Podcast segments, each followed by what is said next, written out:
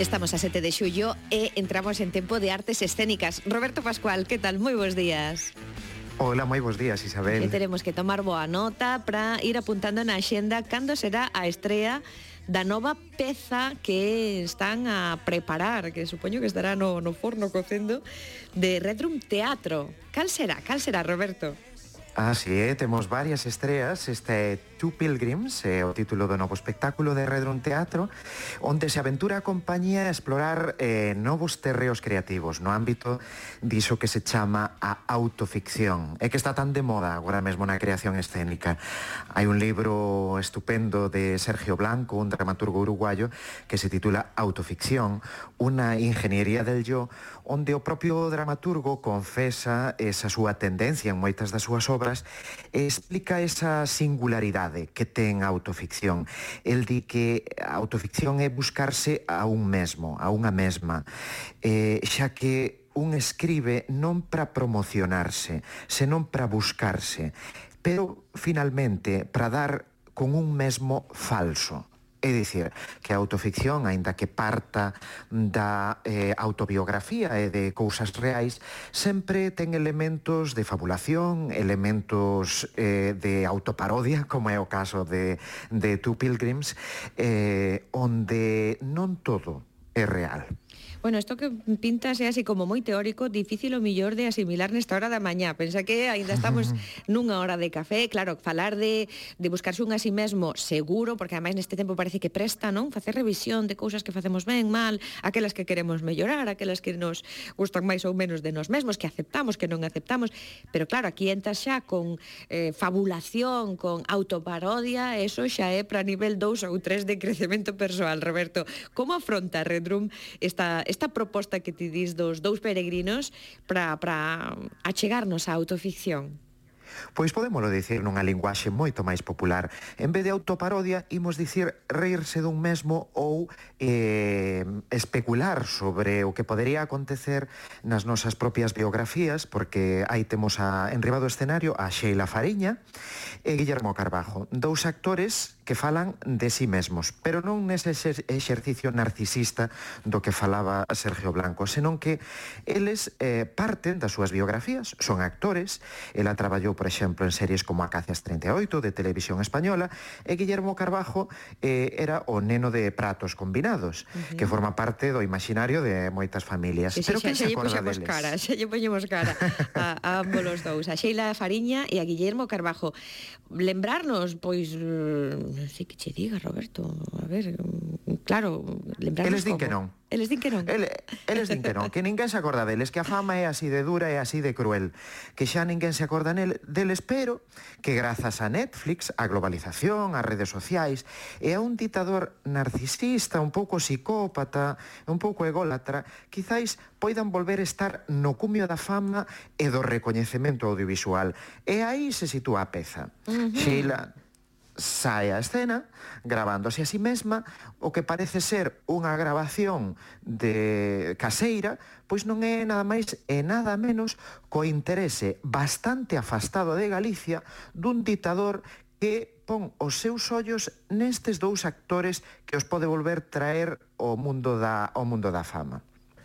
Vaya, pois sí que parece así unha cousa Mm, un tanto mm, aloucada, aloucada.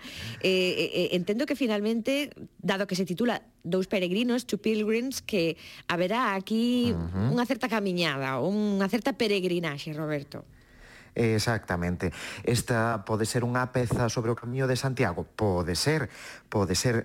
Estes dous eh, estes dous actores, esta, esta actriz, este actor, eh, son, eh, digamos, eh, contratados para facer unha serie sobre o camiño de Santiago, que é algo que interesa a este, a este editador, e son levados a uns grandes estudos eh, lonxe da, da nosa eh, xeografía, en lugares inesperados, onde o famoso apaga o candil eh, soa como algo exótico, o camiño de Santiago tamén, eh, e ali eh, eh, eles eh, van ter que levar a cabo unha encarga, e a encarga será falar deles mesmos, porque interesa a súa biografía, pero tamén interesa Ourense o Camiño de Santiago. Uh -huh. Ali compartirán distintas cuestións eh, que porán, que porán en riba da mesa.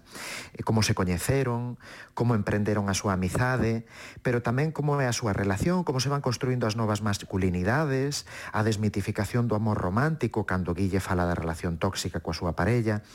Hai varios temas que van ir aparecendo nunha peza escrita por Fernando Epelde, que é un dramaturgo eh, pois que agora mesmo está a traballar, moi coñecido, non somente escribindo pezas, senón en cargas para distintas compañías. E esta é unha peza que ele escribiu con distintos saltos temporais, espaciais, entre a grabación do documental sobre o camiño, a viaxe aos estudos dun país afastado, ou, bueno, non tan afastado en certas cousas de, de nós, de Galicia, e o momento presente, unha peza eh, Uh, Two Pilgrims, onde é moi importante as proxeccións, as montaxes, as confesións que percorren toda a peza, cunha escenografía evocadora nun lugar ambiguo entre unha oficina, un búnker, un estudo de grabación ou un apartamento. O deseño de escenografía creo que vai a cargo tamén do propio director, Alex Sampaio, e se falamos un pouco do elenco, a música tamén corresponde a Fernando Epelde, ou sexa que aquí uh -huh. hai xente, a iluminación, Carlos Álvarez Osorio, hai xente, creo que, pois, de moito peso, non? Para esta peza nova de Redrum. A estrea o 21 de xullo. A que público vai dirixido, Roberto? Pois eh, a peza está dirixida a todos os públicos, pero ten eh, es, teñen especial interese, eu creo que pode ter unha incidencia eh, moi, moi, moi curiosa no público adolescente, en tanto que eh, hai unha apelación aos discursos que se crean nas redes sociais, como coñecemos as persoas a través das redes, como, eh, como é a construción de distintos imaginarios a través da nosa proxección pública, da nosa imaxe, eh, Mm, non somente se fala da fama de uns actores, senón que se fala das relacións entre as persoas e de como construímos e idealizamos eh, as relacións de, de parella en base a cuestións como a, pois, a mitificación do amor romántico ou, eh, ou mm, bueno, identidades de, de xénero, entendo que tamén, as identidades ¿no? de xénero, efectivamente. Eh, un pouco esa importancia que ten que definitivamente entendamos a igualdade das persoas independentemente da súa condición condición. Bueno, pois isto ten moi boa pinta, falamos dunha nova proposta na que está a traballar o, esta compañía, Redrum Teatro, que a estrea será o 21 de xullo, entendo na MIT de Rivadavia, Roberto, e teremos, supoño, de aquí en diante, ocasión de coñecer máis pormenores desta nova proposta, moi traída á actualidade, sen desaparecer o Camiño de Santiago, que é sempre tan inspirador para procesos de crecemento persoal, neste caso, unha procura, unha busca que nos chega a través de unha enxeñería diferente, dende logo moi actual dentro das artes escénicas, e da que tomamos boa nota como cada semana, Roberto, así que convidamos-te para a vindeira con máis propostas de artes escénicas. Pois para a semana aquí estarei para falar de outras estreas da Mostra de Cancas como Especies Lázaro e tamén a contenda de Caldelas eh, do Centro Dramático Galego do que darei boa conta a semana que ven. Moitísimas grazas Roberto, que teñas unha moi boa semana. E vos tamén unha aperta.